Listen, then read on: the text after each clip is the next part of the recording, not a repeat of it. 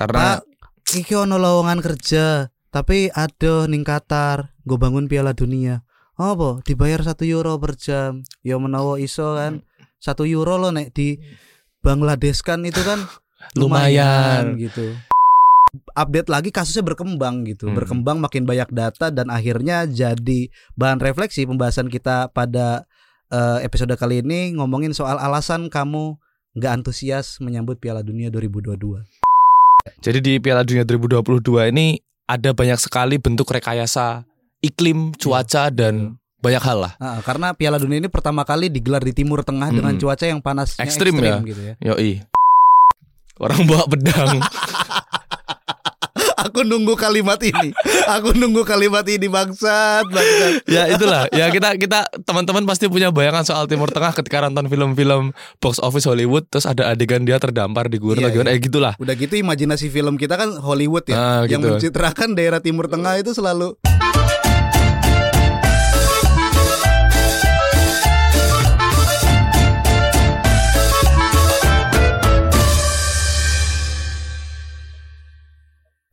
Selamat datang kembali di podcast Ora Gol karena sepak bola bukan hanya tentang gol barengan saya Ikhlas Alfarisi. Dan saya Raihan Majid. Selamat mendengarkan episode ke-7 The Fucking 5 Ush, sakral juga nih ya angka Sakral, sakral mantap. 75 itu apa ya? Ya nggak tahu kita 75 apa tapi yang kita tahu adalah kita rekaman di pagi hari di tanggal 28 Oktober. Selamat Hari Sumpah Pemuda teman-teman semuanya. Baca-baca lagi lah itu banyak artikel-artikel yang riding the wave itu. Untuk memperingati hari ini kan banyak Yoi. tuh gitu kan. Ini dia 11 fakta gitu kan Hmm. yang terjadi saat Sumpah Pemuda gitu. Tapi secara mendasar tetap disarankan membaca bukunya Ben Anderson ya. Ben Anderson. Ya, Revolusi, Revolusi Pemuda, Pemuda. ya untuk mendasari semua artikel yang dibaca. Iya gitu. iya iya. iya. Jadi ini ya, jadi tiang pasak eh, Nah, atau jadi pondasi. Jadi pondasi. Jadi pondasi. Jadi saka. jadi saka. Karena kalau misalkan tiba-tiba langsung nyari trivia-trivia Hmm. tanpa kemudian tahu konteks dan eh, ya ahistoris lah, Iya. itu agak-agak sulit Iya, gitu iya. kan. Nanti perdebatannya adalah perdebatan-perdebatan yang nggak penting. Kayak misalkan aku pernah nemu di sosial media itu ya ngomongin soal sebenarnya dulu Pangeran Diponegoro itu minum anggur apa enggak? minum wine apa enggak. Terus ada yang ngeklaim ya zaman semono bro gitu. Mesti yo ono lah ngombe-ngombe sithik deh yang juga pangeran gini terus ada yang bilang pangeran Diponegoro itu ulama gitu. Ya pembahasan seperti itu kalau memang sedang eh, membahas hal seperti itu mungkin Hmm. masuk ya. Iya, Tapi iya. kalau kemudian jadi perdebatan dia ulama dan segala macam terus mendistorsi apa Iya. namanya peran-perannya di masa lalu ya kacau juga sih. nggak penting Nggak penting, nggak nggak penting. gitu ngapain bahas Diponegoro Iya, dulu iya. ngombe apa enggak Iya. ngombe apa enggak dia tetap tidak pro sama Belanda. Bukan Belandanya Siapa? juga keraton Oh, dicari kan makanya iya, diburu. diburu sampai ke Gosari no. Oke di hari Jumat yang sangat berbahagia ini kita akan coba me- ngobrolin eh, sebuah keresahan yang sebenarnya keluarnya khusus dari aku sendiri gitu. Oke. Eh, ngomongin soal Piala Dunia. Piala Dunia ini ah, kurang dari sebulan lagi akan mulai tapi nggak tahu kenapa. Sebenarnya aku cukup punya antusiasme awalnya gitu. Cuman itu di apa dihancurkan oleh Koe Han. Uduh. Penyebabnya aku ya. Ya itu tuh kayak apa ya? Kayak kayak lapisan yang kemudian terkuak gitu loh. Kayak Hmm. aku nanya ke kamu kan, Pian, kira-kira kita Piala Dunia bikin apa nih? Dengan lemesnya aku bilang nggak tahu ya gitu.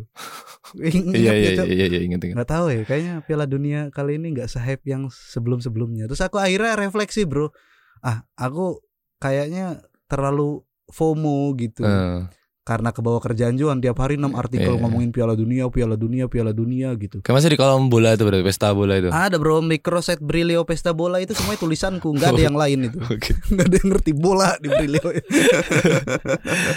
itu aja masih di ini dikritik cari yang unik dan menarik gitu. Nah, ternyata yang unik dan menarik adalah kisah akan syukur gitu tentang Turki yang sekarang jadi driver ojol gitu Wah. gitu gitu ya itu yang orang suka tuh ya. Hmm.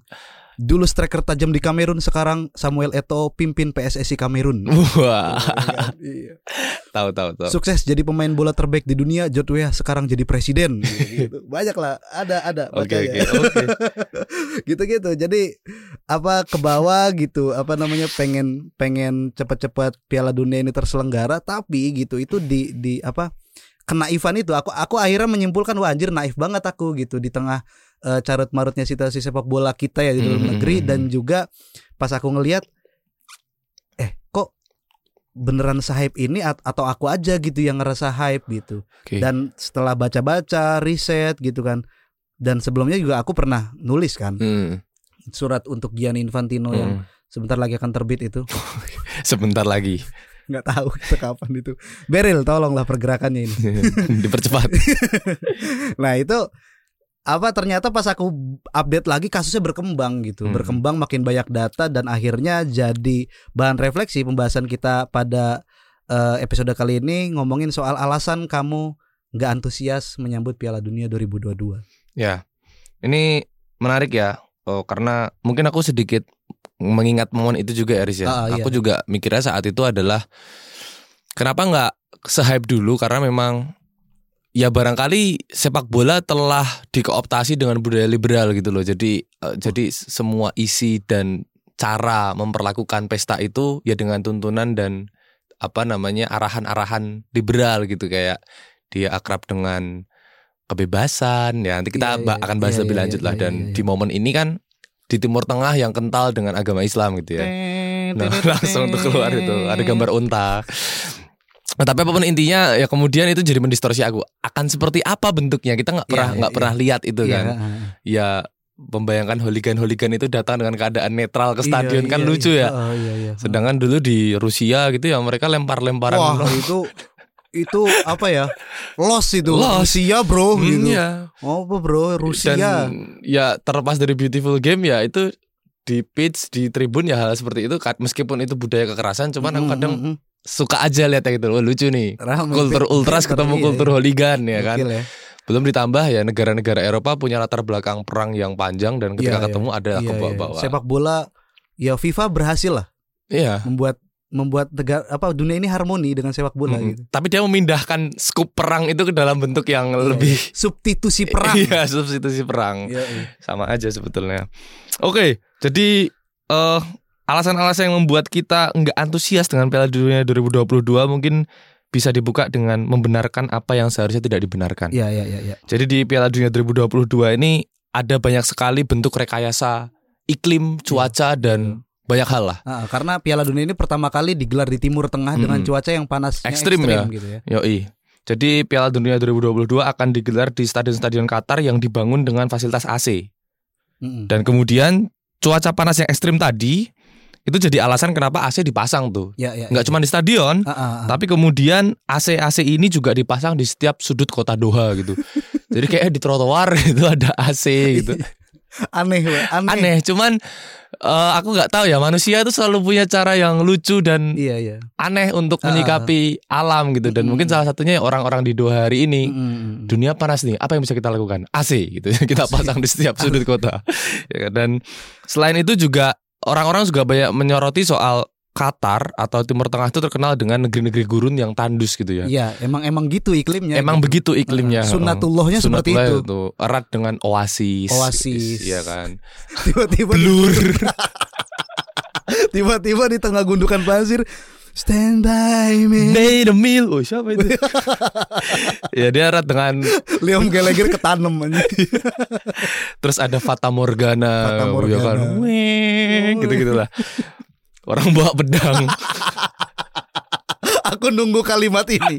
Aku nunggu kalimat ini bangsat, bangsat. ya itulah ya kita kita teman-teman pasti punya bayangan soal Timur Tengah ketika nonton film-film box office Hollywood terus ada adegan dia terdampar di gurun Iya, atau gimana iya. eh gitulah Udah gitu imajinasi film kita kan Hollywood ya, Ah, yang gitu. mencitrakan daerah Timur Tengah itu selalu Assalamualaikum ah gitu, ya gitu kan. Padahal tidak se nggak nggak segitunya, Nggak ya segitunya. Mm.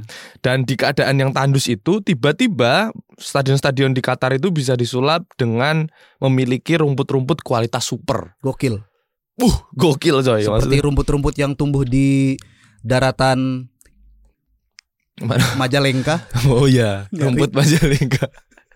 Makanya sapinya besar-besar sana dari ya. daerah yang subur di mana ya di Pulau Jawa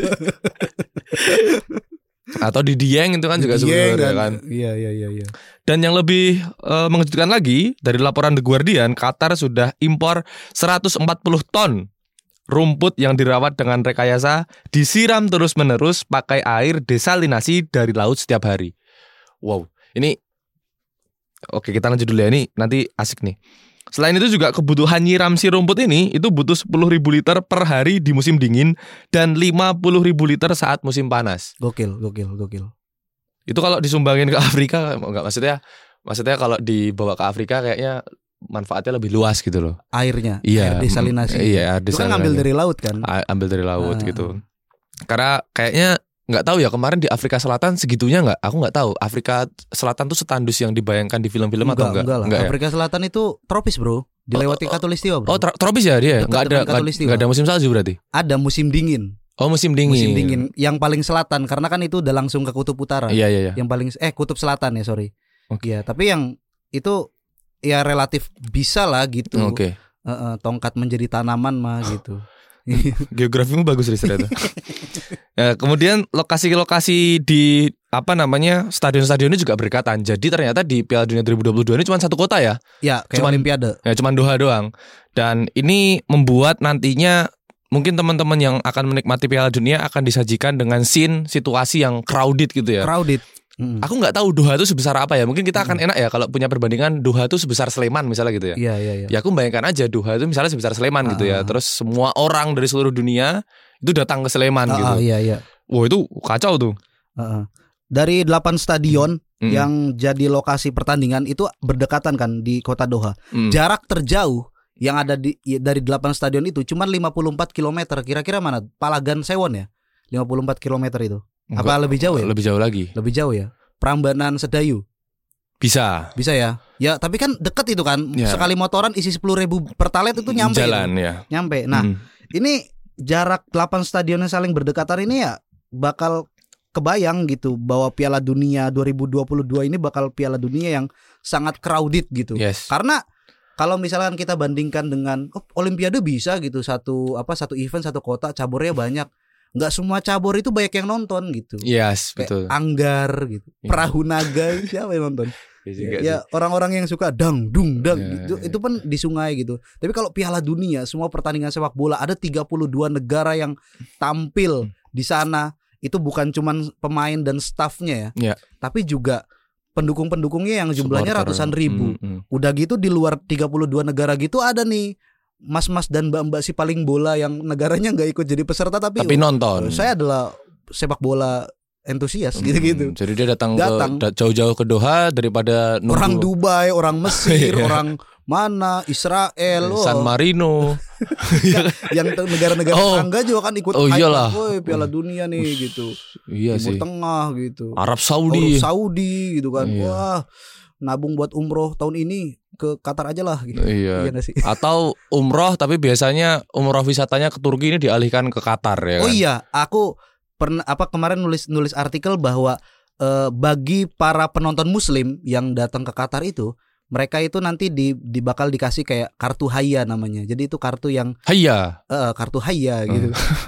kartu yang apa namanya bebas apa digunakan untuk, untuk para turis itu mengakses berbagai eh, apa fasilitas publik yang ada di lokasi event itu ya mau ke museum mau ke mana mau naik kereta mau naik apa gitu tram gitu pakai kartu haya itu jadi full apa all access gitu All access. Wow. salah satu all accessnya gitu eh itu udah satu paket dengan paket umroh gitu jadi kalau muslim gitu misalnya jeda pertandingan atau negaramu udah kalah gitu daripada ini kan healing aja ke Hmm, Mekah gitu Bisa- Berdoa. bisa, ya. berdoa gitu nah apa namanya dari persoalan stadion yang berdekatan terus apa namanya Qatar itu nyulap gitu daerah Hmm. gurunnya itu bisa ditanami rumput dan juga eh, pemasangan AC di mana-mana itu akhirnya membuat para pegiat lingkungan, aktivis lingkungan tuh khawatir bahkan mengecam turnamen ini gitu. Hmm. Soalnya penggunaan AC berlebihan untuk maksain udara di gurun biar tetap adem bakal merusak udara itu sendiri. Akibatnya pencemaran akan terjadi.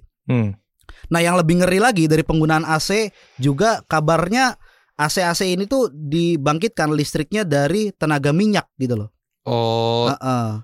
dia nah. menggunakan eh, pembangkit yang basisnya adalah energi minyak Ya gitu minyak apalagi gitu. Ush. Tidak ada curug di apa di Qatar ya. kan Iya betul. yang bisa membangkitkan listrik pakai tenaga Hmm, air. Mereka banyak minyak ya. punya minyak gitu kan si raja minyak ini dan bakal kebayang gitu eh, emisi yang bakal dikeluarin dari dari AC-nya aja Iya nih. iya. AC setiap stadion, stadion anjing stadion. Freon-freon itu ya. Iya, freon-freon gitu. Terus AC di setiap gang ada AC dibangkitkan pakai pembangkit listrik emisi yang bakal dikeluarkan kayak gimana. Nah, maksain rumput yang apa namanya dengan perawatan yang nggak normal juga bakal bikin iklim nggak seimbang kalau kata ini ya pegiat aktivis lingkungan ya. Mm. Terus emisi karbon yang dihasilkan dari perjalanan laut, darat, udara selama Piala Dunia juga dianggap mengkhawatirkan. Belum lagi kalau kita mikirin ini ya, mikirin eh, padatnya ini para turis di sana itu bakal bergesekan, terus ada kayak konflik horizontal antara iya, fans. Dan memang kerap terjadi gitu kan, benter-benter gitu nggak seru lah. Jadi nonton Iya. Piala Dunia ketemu misalkan mana Inggris kan satu satu grup sama Amerika, Hmm, Iran. Iran, Ira, Ira, i- i- Wales. Iya, Wales. Iya. Anjir, oh masa nggak benter nih, benter dong Iya. gitu kan. Masa assalamualaikum gitu. Waalaikumsalam. Ya, maksudnya bakal bikin geger gitu tiba-tiba ada apa namanya hooligan hooligan Inggris sama gol hooligan Amerika gitu kan yang mereka saudara tiri tapi kan mereka emang udah nyeting Hmm. kita ketemuan ya di depan Majelis Taklim An-Nur Kota Doha gitu. Kita cegat semuanya. bingung Pak Ustadznya bingung. Oh, Ini kenapa? ya itu bisa- itu itu juga jadi satu problem sih. Aku nggak membayangkan juga ketika terkonsentrasi di kota Doha ya di Ah, ah. Qatar, otomatis juga ada kemungkinan terjadi keributan nggak cuma di lingkungan eh, stadion aja, tapi mungkin juga di hotel-hotel atau di penginapan gitu, Riz. Karena Ya ya ya. ya pasti kan akhirnya saling recognize. Oh, itu itu supporter Iran, Oh, itu yang dari stadion tuh. Oh, iya tuh, ini orang Inggris nih. Ya udah bisa pukul-pukulan Iya. di lobi. Heeh, heeh. Maksudnya ya eh, aku nggak tahu ya, tapi seharusnya ini juga jadi perhatian IO-nya ya untuk iya. juga memitigasi gimana menghindari konflik. Meskipun memang kita nggak bisa 100% menghilangkan konflik antar supporter ya. Iya iya. itu iya. itu agak mustahil gitu, Mm-mm. pasti ada lah. Mm, mm, mm. Tapi ya gimana caranya itu? Mereka udah ambil resiko di satu kota Mm, mm. dengan cuaca yang panas, Gokil. ya kan? Orang jadi kebakaran jenggot Mm, semua, mm, nggak boleh ngombe, Gokil. ya kan? Jadi ya mungkin orang sudah menahan diri untuk nggak ngombe, kepanasan ketemu orang Iran. Ini orang Inggris nih, ya kan? Orang Inggris kayaknya banyak musuhnya ya. Ketemu orang Argentina rusuh Hmm. mereka kan. Kan punya ini kan. Ya soalnya dia kan negara kolonial, banyak yang dendam. ya emang, emang ini dan dan mereka kayak seneng aja gitu nyari benter gitu. Hmm. Makanya kabarnya itu pemerintah apa Kementerian Luar Negeri Inggris eh ngebanet 1300 fans untuk nggak bisa pergi ke mana-mana selama Piala Dunia itu berlangsung. Oh itu nama-nama yang selama ini udah ditandai mungkin ya. Hmm. Di ban anjing. Ya, supporter Millwall, Chelsea, West Ham itu rata-rata Iya, nggak iya. berangkat itu, anjing. dilarang. Iya itu itu korlap-korlapnya bingung gitu. Nah, ngomong apa namanya isu lingkungan yang jadi kekhawatiran bagi para aktivis ya. Iya. Ya pe- pegiat-pegiat lingkungan ini itu malah justru di di apa ya? Dibantah sama IO IO Piala, Piala Dunia yang Hmm. mereka itu sekonyong-konyongnya bilang bahwa event Piala Dunia ini dijamin bebas emisi karbon. Keren sih statementnya. Langsung gitu loh. Iya. Santai dijamin Piala Dunia netral karbon. Gitu. Yeay. Tai tai. Jadi orang udah berargumen macam-macam dengan banyak laporan, dengan banyak riset dan data. iya. Tenang, dijamin bebas karbon. Debat selesai, anjing anjing. debat selesai. Tapi juga ya kita nggak tahu ya IO-nya nih gimana. Tapi ya pasti semua IO berusaha untuk menetralisir stigma buruk terhadap eventnya ya karena Iya, iya. ada upaya untuk mengembalikan keuntungan juga pasti di Hmm. dalamnya kan. Makanya eh, salah satu yang kemudian juga membuat eh, kenapa banyak bahkan pesepak bola dan mantan pesepak bola atau pelatih yang speak up soal kenapa nggak antusias dan cenderung bermalas-malasan dalam tanda Hmm, kutip mengikuti iya, Piala iya. Yang sempat booming banget dan kita pernah bahas adalah soal perbuda- perbudakan modern ya. Iya, iya, iya. Itu Iya. satu hal yang kemudian sampai hari ini terbaru timnas Denmark membuat Hmm. statement dengan membuat tiga jersey home away dan third-nya Mm-mm. itu dengan model monokrom gitu. Iya, Jadi transparan gitu ya. transparan itu sebagai bentuk mereka tidak mau mem- mempromosikan Apa pun. federasi eh, brand aparelnya Heeh. karena ti- tidak ingin mem- ikut mempromosikan dan meriahkan iya, iya. Piala Iya, Dunia iya. yang penuh kecacatan Heeh. ini gitu. Berpartisipasi bukan berarti mengendorse ya. Ya Iya, gitu. iya, iya, iya. Dan yang bisa dilihat hanya nomor punggung dan nama di belakang ya karena itu Ah, syarat iya. Ya syarat. syarat Ya, dari FIFA-nya. Ya, rule of the game-nya seperti itu. Hmm. Dan kemudian eh, kontroversi ini bisa kita lihat dari kenyataan bahwa stadion-stadion yang dibangun untuk turnamen ini dibangun di atas mayat-mayat pekerja yang bergelimpangan. Uh, Ada Jadi- tuh Ragol episode Qatar ini membunuhku itu. ya Episode silakan. debutnya Rehan.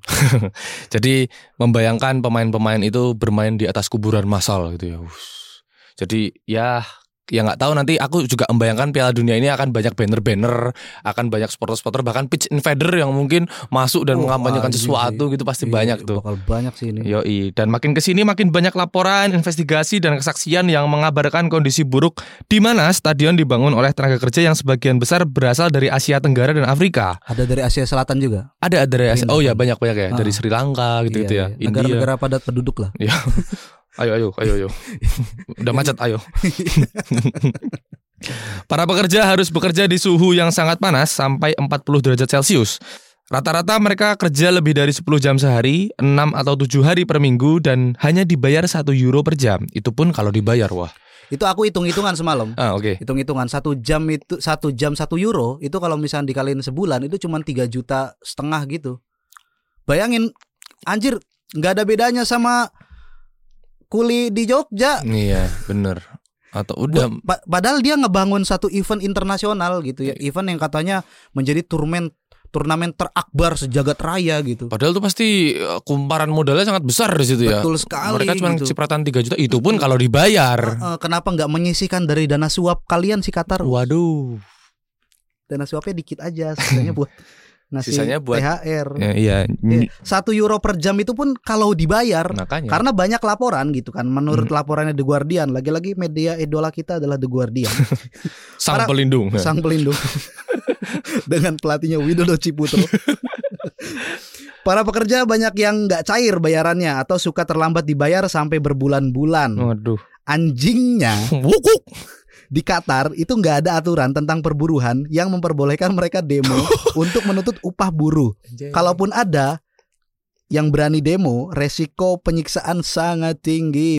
Beberapa tidak punya pilihan selain berdemonstrasi di kota Doha tiga bulan sebelum Piala Dunia. Jadi ada yang nggak tahan ya anjing lah gitu. Ayolah kita demo gitu. Jadi kayak anak-anak ini loh ka- apa namanya kawan-kawan yang demo cuman lima orang gitu. Nah, gitu. yes, eh, Ada Broto tiba-tiba teriak gitu. teatrikal biasanya. Teatrikal gitu. Yoi. Habis itu dipecut. Tangkap katanya aku Hmm. pecut. Dan selama nyambut gawe di Qatar, para kuli bangunan ini sama sekali tidak diuongke, tidak dimanusiakan. Mereka disuruh tinggal di dalam kamar sempit yang isinya overload. Jadi ada beberapa laporan yang menyatakan ada kamar-kamar yang maksimal kapasitasnya 2 sampai 3 orang tapi bisa dihuni sampai 6 orang gitu. Iya iya iya. iya. Dan kayak ikan pindang itu tidurnya jadinya betul, kan. betul betul.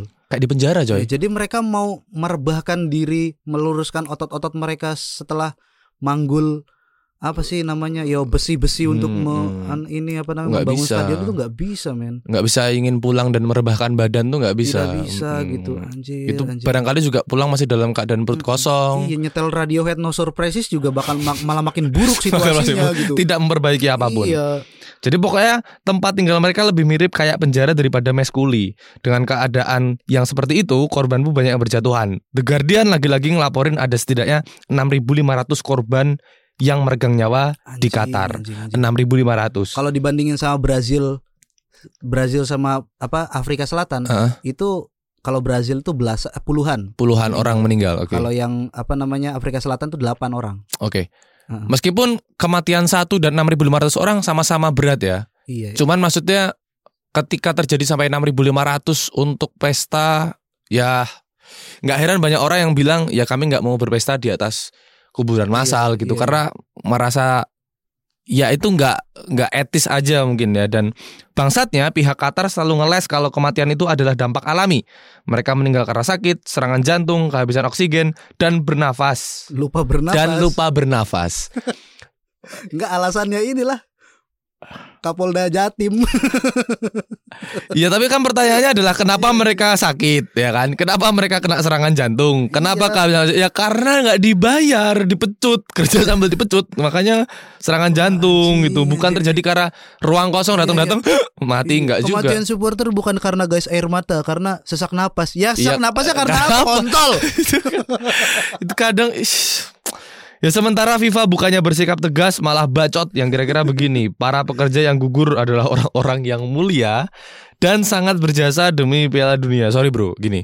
Jadi eh, FIFA orang-orang itu ke sana karena bukan care sama Piala Dunia, enggak enggak. Orang-orang yang 6.500 orang meninggal itu bukan karena mereka peduli sama Piala Dunia, mereka peduli sama keluarganya di rumah. Betul, betul. Jadi dorongan moral, logis dan apa pun itu yang membuat mereka berangkat jauh-jauh ke Iya, Qatar iya, itu iya. bukan karena mereka ingin menyediakan stadion yang bagus untuk Ronaldo bermain, enggak. Iya, iya. Mereka enggak ke situ. Mereka mikir anaknya Anjing. susah gitu. Iya, mereka itu ke Qatar karena melihat secerca harapan bahwa mereka masih punya kesempatan untuk membuat dapurnya terus mengebul. Nah, karena Pak, iki ono lowongan kerja, tapi ada ning Qatar, gue bangun Piala Dunia.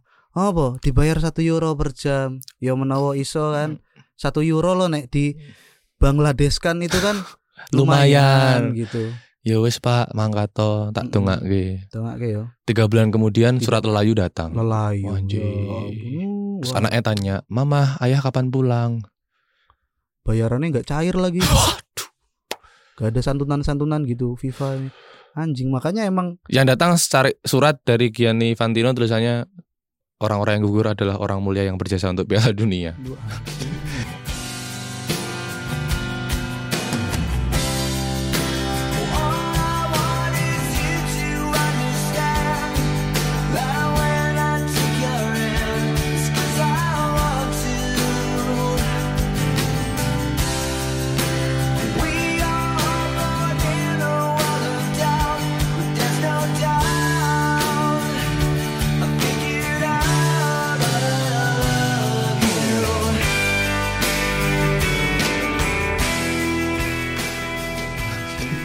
Kesel gak sih? Kesel ya?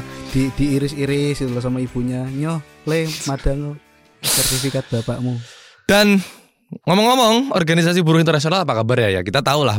Ilo, ilo, ilo namanya ilo. Iya, ILO, ILO.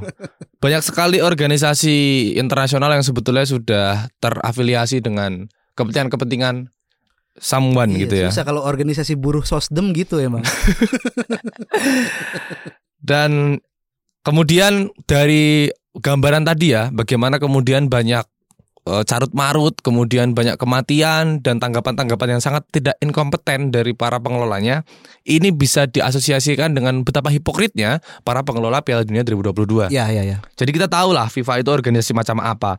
Semangat mereka yang dulunya ingin membuat sepak bola menjadi harmoni, malah misorientasi. Terpilihnya Qatar sebagai tuan rumah makin ngejelasin kalau FIFA hari ini jadi organisasi yang penuh dengan KKN. Iya, Iya, nggak nggak ini nggak apa namanya nggak heran akhirnya ketika kok FIFA kok Gianni Infantino mau ya diajak fan football di Stadion Madia gitu. Iya, nggak usah heran gitu. Iya, kok bisa gitu? Ya emang emang kan PSSI bilangnya Gianti Infanti apa Gianni sendiri yang ini Yang pengen. yang pengen yang ngajak.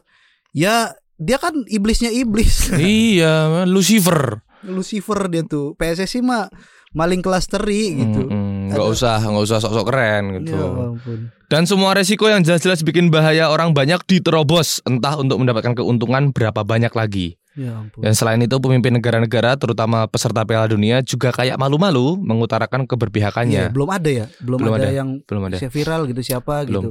Dan kalau kita lihat eh, Denmark pun kayaknya yang menyatakan itu kan federasinya ya. Aku nggak tahu ya secara negara gimana ya, tapi Mm-mm. secara federasi ya mereka Iya iya iya.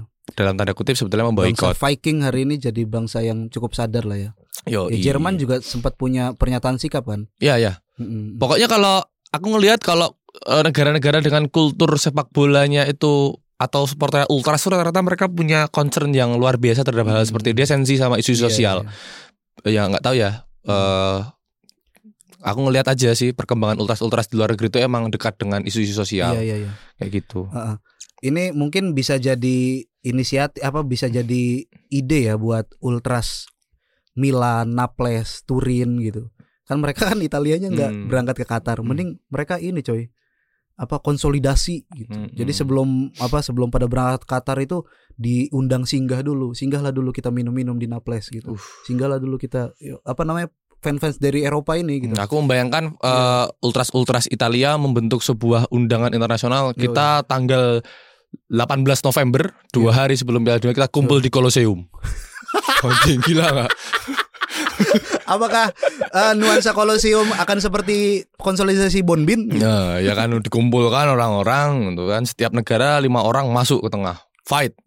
Tujuannya apa? Ini untuk ngelawan polisi Qatar, gitu kan. Oh, Kita ditatar di sini, atau- ditatar sebelum ke Qatar. Bukan itu coy, kita ayo kita bikin kekacauan coy. Gitu. Nuh, iya. Beach Insider ini jangan reaksioner gitu. Mm-mm, tapi yang terorganisir. Mm-mm. Semua dari tribun harus turun Mm, gitu. Iya, iya. Enggak satu dua Tapi semua. jangan sampai kita melukai para pemain ya. Oh, Mereka jangan sampai, jangan sampai. bersalah gitu. Pemain tidak bisa disalahkan gitu ya. Iya, iya, iya. Karena dalam beberapa hal ketika mereka tidak berstatement barangkali mereka menyadari kapasitasnya Mm-mm. gitu ya. Mereka Iya. hanya seorang pemain, mereka punya tugas ya apa pun ceritanya ya mereka nggak bisa jadi titik tumpu kesalahan. Iya iya. Gitu, coy. anjing. Karena emang nggak ada pemimpin-pemimpin yang sampai sekarang tuh vokal gitu loh. Mm-mm. Ya dari pemimpin negara sampai organisasi-organisasi internasional gitu. Ya ini yang Ya paling apa sih ada Amnesty Internasional kemarin ya? NGO Ya jujur juga sih. bukan Bayi Project. ya maksudnya akhirnya NGO gitu loh yang jadi corong apa Iya. namanya corong suaranya Iya. akan eh, ya akan kontroversi yang banyak terjadi ini gitu. Mm-mm. Nah, udah mah nggak ada pemimpin-pemimpin yang yang coba vokal gitu. Ini ada nih pernyataan anjing nih Hmm. dari eh, wakil ketua DPR-nya Prancis. Namanya Karl Olive. Waduh. Nah, dia tuh bilang Yang gitu, punya Olive bukan kira-kira? bukan. Bukan ya? Bukan. Ini juga aku kayaknya salah ngejanya ya gitu. Hmm. Soalnya ini ejaan Prancis kan. nih si Olive ini dia bilang gitu kalau kematian pekerja di Qatar itu wajar gitu. Waduh. Dan dia beliau ini ngebandingin gitu. Dulu pas menara Eiffel dibangun itu ada 300-an korban kok yang meninggoy anjing. Waduh. Dia membandingkan satu tragedi dengan tragedi yang lain gitu ya. Prancis loh kok ma- masih gitu pakai metode dibanding-banding kayak Hmm, gitu. itu membuat kita sadar bahwasanya tidak semua negara Eropa itu mapan cara berpikirnya. Anjing apalagi wakil ketua DPR gitu. DPR Prancis gitu. nah, iya. Kalau Indonesia kan keren-keren, coy. Keren-keren lah. Mm-mm. Dan kita juga bisa ngelihat Piala Dunia 2022 adalah momen para hero masa kecil kita mulai berpamitan Ya, satu ini, persatu. Ini, ini yang lebih apa ya? Kalau tadi kita bahas kontroversi-kontroversi itu tuh mom, di apa namanya di subtopik ini tuh kita bakal ngomongin ya sepak bolanya gitu loh. Yes. Heeh. Jadi eh, terlepas dari semua ironi, tragedi dan kontroversi yang terjadi dalam tahap persiapan sampai mungkin nanti pelaksanaannya ya apa pun ceritanya Piala Dunia adalah cerita soal sepak bola juga gitu dan ada banyak pahlawan-pahlawan masa kecil kita yang membuat kita bermain bola barangkali atau yang membuat Benar, kita sering melakukan selebrasi-selebrasi tertentu. Iya, ya di era-era pas pas aku kecil itu apa sepak bola itu membuat apa namanya buku ikroku itu setiap halamannya itu dinamain pemain bola, Bro. Waduh. Rekoba gitu. Christian Vieri gitu. Jadi kalau misal nanya sama teman tuh, "Wih, ngajimu udah sampai mana?" Paulo Udah Maldini. sampai Japstam gitu. Waduh. Keras ini. Iya. Ikro 5, Bro gitu. Ya, itulah eh, cerita-cerita barusan menggambarkan seberapa influence ya para pemain sepak bola untuk masa kecil kita gitu ya. Mm, Iya, iya. Dan imajinasi masa kecil kita itu mendorong kita untuk mencintai pemain-pemain tersebut dan secara nggak langsung sekarang kita sudah mulai harus menyadari kita semakin tua dan pemain-pemain itu juga saatnya pensiun gitu. Mm, mm, mm. Jadi sekarang mereka sudah pada tua dan sudah pada di penghujung karir. Kalau misalkan dijadiin best 11 kira-kira mungkin ini Faris ya yang bikin tapi mungkin aku mau bacakan nih. Gini kira-kira formasi versi Faris para pemain-pemain yang akan berpamitan dari Piala Dunia 2022. Ya, ya. Di posisi kiper ada kiper andalan Bayern Munchen Manuel Neuer yang sudah berusia 36 tahun Mm. dan mungkin ini jadi Piala Dunia terakhir ya. Iya, 4 Karena- tahun lagi di udah 40. 2026 ya udah 40 gitu. Iya, dan mungkin sudah saatnya pem- Mm. apa kiper-kiper muda Jerman lainnya, Heeh. para Arya-Arya yang Dan lain. belum ada juga gitu. Jerman segitunya mempertahankan pemain yang udah tua banget. Iya, iya, benar-benar. Iya, sistem mereka udah mapan jadi regenerasi itu berjalan secara natural aja. Iya.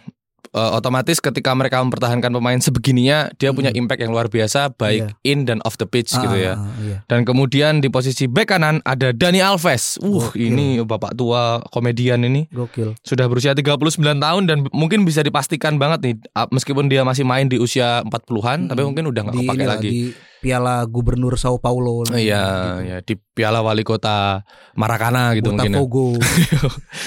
Dan kemudian di posisi center back, wah ini ada back gaek bernama Diego Godin dari Uruguay. iya iya. Ingat, Usia mm, apa? usianya udah 36 tahun ya. Ingatan kita ketika Piala Dunia itu dimulai dan bertabrakan dengan eh, bulan puasa pasti mem memnya pasti Diego Godin. Mm-mm, Now Soma itu Soma Godin. Godin. Yoi. Iya. Dan kemudian di samping Diego Godin ada seorang Thiago Silva, Ya. pemain yang baru meraih Piala Eropanya di usia senja juga. Tapi Hmm. apakah ini akan jadi uh, upaya terakhirnya untuk meraih Piala Dunia di usia senja juga? Iya, karena iya, dia udah iya. berusia 38 tahun. Enggak, Diego Silva pemain Brasil coy, kok Piala Eropa? Uh, maksudnya Piala Eropa Oh, Liga Champions. Oh, Liga Champions. Iya. Ah, Oke, oke. Iya. Antar klub, antar klub coy. sorry, sorry. Iya, iya, iya, iya, iya. Kemudian di posisi back kiri ada Jordi Alba. Iya, ini ini versiku sih sebenarnya banyak pilihan kan. Cuman Iya, iya, iya. I know, I know, I ya, know. Jordi Alba men. I know. Kok bisa gitu? I know. Tim sekuat Italia di Euro 2012 digolin gol pertamanya adalah Jordi Alba. Yo, gitu. i. jadi Jordi Alba selain ngegolin ke gawang Italia adalah cintanya para cules ya. Jadi makanya dia masuk ke sini. 33 tahun Pilihanmu siapa pilihanmu emang? left back. Iya. Piala Dunia lo ya. Eh left back mungkin aku siapa ya Riz ya? Bingung ya. Soalnya left backnya Inggris kan masih pada muda-muda. Masih pada muda-muda. Oh ya nggak tahu sih siapa tapi ya Jordi Alba boleh lah. Nah, ini debatable juga lanjutan. Nah, kemudian di posisi midfielder di pemain tengah ada seorang Nomor 6. Sergio Busquets ya, lagi-lagi kecintaan cules ya kan, umur 34 tahun.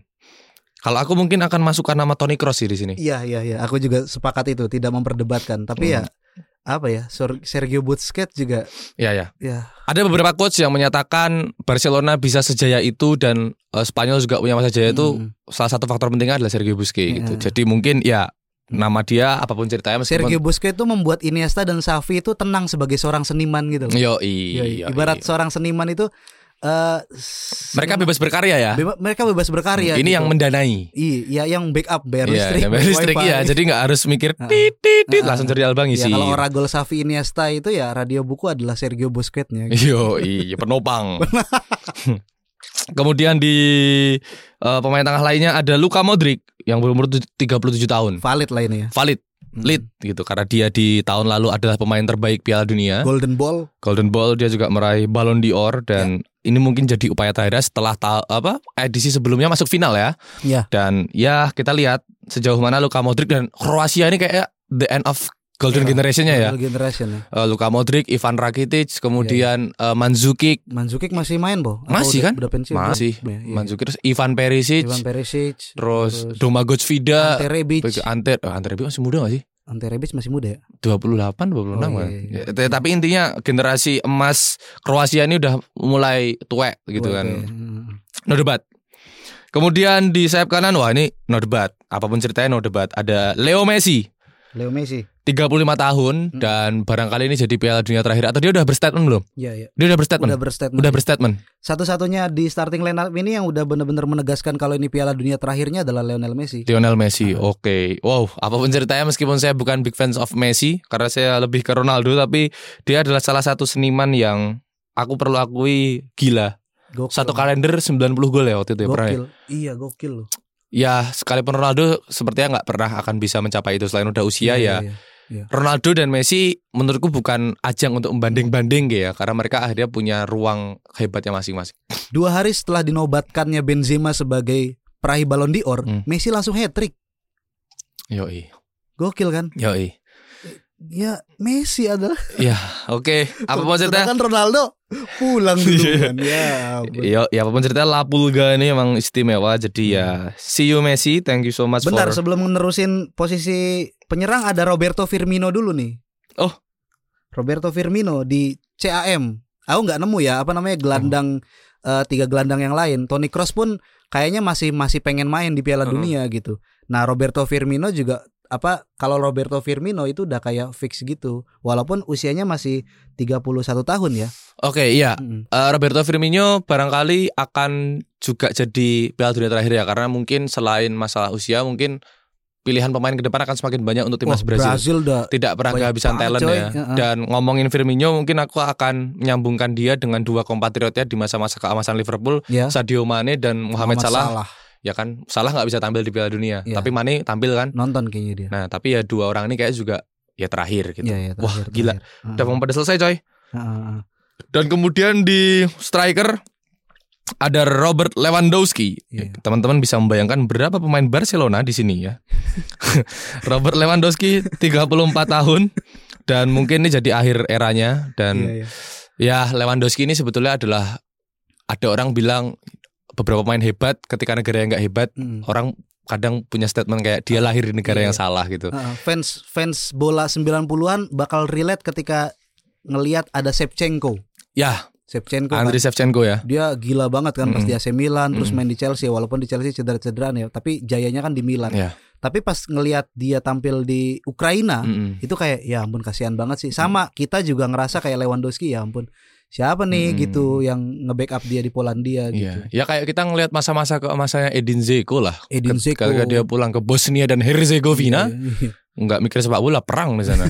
Susah. konflik konflik Dan terakhir di posisi sayap kiri ada Cristiano Ronaldo yang sudah berusia 37 tahun dan mungkin dia juga statement kayaknya atau dia nyepil-nyepil gitu, dia bilang ya barangkali ya nggak ada yang tahu tapi mungkin dia ini belum jadi berdamai kali sama Iya, dia- usianya yang udah lebih tua bahkan dari Messi kan? Dua tahun lebih tua ya. iya. Tapi apa pun ceritanya Cristiano Ronaldo adalah eh, orang yang eh, terutama Ronaldo dan Messi aku aku punya punya bayangan dua orang ini sebetulnya orang yang pantas mendapatkan trofi Piala Dunia ya untuk melengkapi. artikel bola yang auto viral hari ini adalah mem- membuat skenario bagaimana Lionel Messi dan Ronaldo itu bisa bertemu di final Piala Dunia 2022 Anjing. Gitu. Termasuk yang aku tulis juga. Judulnya begini, begini skenario final Piala Dunia agar Ronaldo dan Messi bertemu gitu. Jadi banyak tuh. Dan aku ada ngelihat satu tweet yang menjelaskan kalau nanti Argentina bisa melangkah sampai final Mm-mm. dan Messi bermain di final, Iya, itu jadi laga ke seribu Messi. gokil. Bayangkan laga ke seribumu itu adalah final, Final Piala, Piala Dunia. Dunia. dan itu Piala Dunia terakhirmu. Terakhirmu. Wah, dan itu kamu juara misalnya, wow. Wah, itu sih gokil sih. Oke, itu mungkin jadi end of the bat ya. Messi kalau meninggal nggak dikubur kayaknya. Iya, di Diawetkan. diawetkan, ya, dipajang. Tapi jangan gitu deh kasihan. atau, atau gennya dikembangkan. Kayak Habibi. ya, terus kemudian disuntikan ke bayi-bayi di Buenos Aires gitu ya. Gokil. Di Rosario dong. Oh, di Rosario. Rosario. Oh iya iya iya. Iya iya gitu. Ya pokoknya ja- Hmm. momen Piala Dunia ini jadi momen yang cukup menyed- apa bikin kita sedih gitu Ya. bahwa eh, kita makin ke sini makin tua gitu ya udah nggak lagi terlib apa namanya udah makin banyak urusan makin kompleks gitu kan dan seiring kita semakin menyadari akan kemanusiaan kita Hmm. juga akhirnya sadar idola-idola masa kecil kita adalah manusia biasa gitu Ya. yang punya umur terus bertambah umur kita juga ikutan nambah Mm. tapi nyali kita makin sedikit Yo Betul ka- sekali. Kalimatmu keren Han. Iya bagus lah. ya itu problem modernistas kayak gitu ya. Dan mungkin sub bahasan terakhir kita adalah soal sepak bola yang akhir-akhir ini sedang tidak bisa jadikan hiburan. Mungkin Beneran, coy. Ini jadi salah satu faktor ya selain tadi aku sebelum kita on air pasti off air tadi ngobrol sama Faris ya selain urusan kemanusiaan di Qatar ya, Ya, ada ya, ya. urusan kanjuruhan yang ternyata makin ke sini mempengaruhi aku soal gairah menikmati sepak bola lokal gitu loh Iya, kayak iya, iya. aku waktu itu kayak menanti-nanti kapan PSIM bisa main lagi tapi kayak sekarang Bener, bener. kayaknya udah nggak ke situ lagi deh Iya, pikiran ini iya, iya. ini wah anjing itu Ekspektasiku kayak udah melambung tinggi Iya, iya. gitu. Luis Milla datang, Hmm. wah anjir.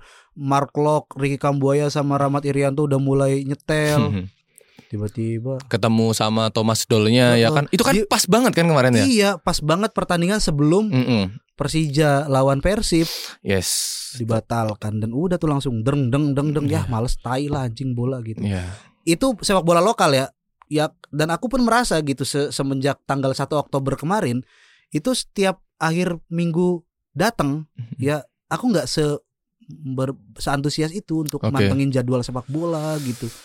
Makanya kebanyakan story yang aku bikin adalah story-story menangisi akhir pekan gitu-gitu. Hmm. buat buat nyari pelarian aja gitu. Ya ya benar-benar. Apa bikin story lagu The Sigit aku nggak? Suka suka amat lama lagu The Sigit gitu. Ya suka sih bagus. Cuman nggak sampai segitunya aku bikin story pakai lagu The Sigit gitu. Hmm.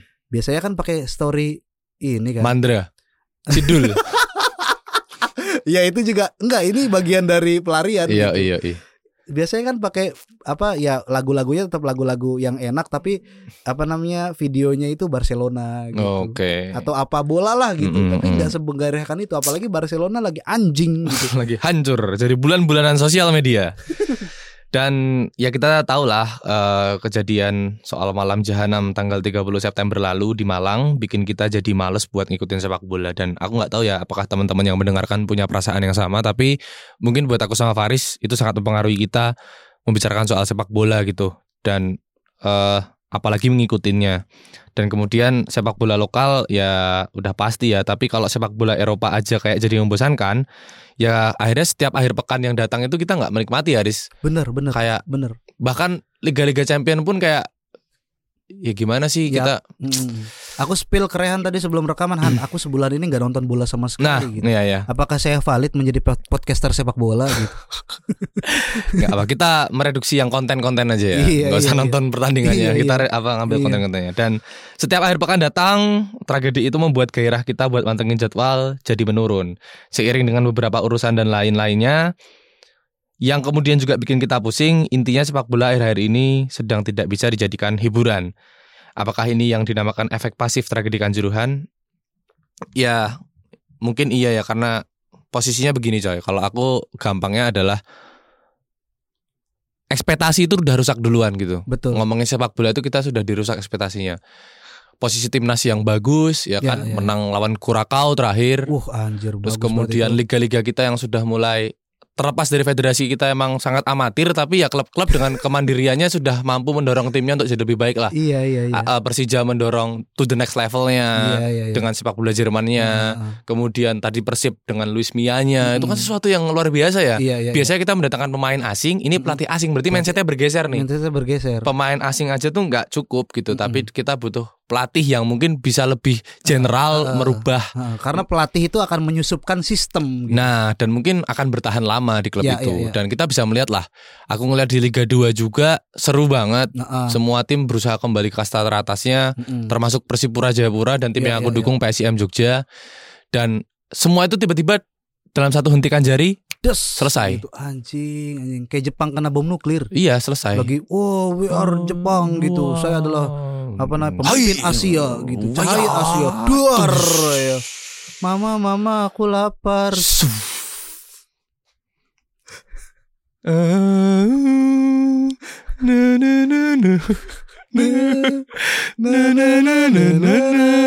Selesai.